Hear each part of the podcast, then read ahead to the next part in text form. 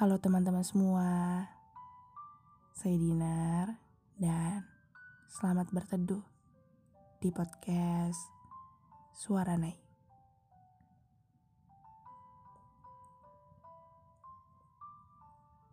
Halo, apa kabar? Gimana bulan Mei tahun ini? Semoga ada banyak kabar baik dan bahagia di setiap harinya ya. Oh iya, podcast ini direkam pada saat suasana di luar sedang hujan.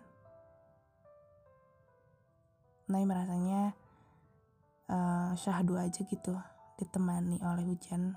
Tapi semoga tidak mengganggu teman-teman dalam mendengarkan podcast malam ini ya. Oh iya, kalau ada yang nanya ke kalian, kenapa belum punya seseorang yang spesial lagi? Kira-kira kalian akan jawab apa?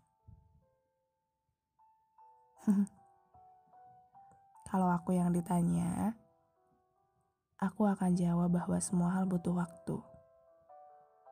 Iya Segala hal butuh waktu. Sembuh juga butuh waktu, kan? Aku tahu, setiap kita punya cerita dan luka yang berbeda, dan setiap kita juga punya waktu sembuhnya.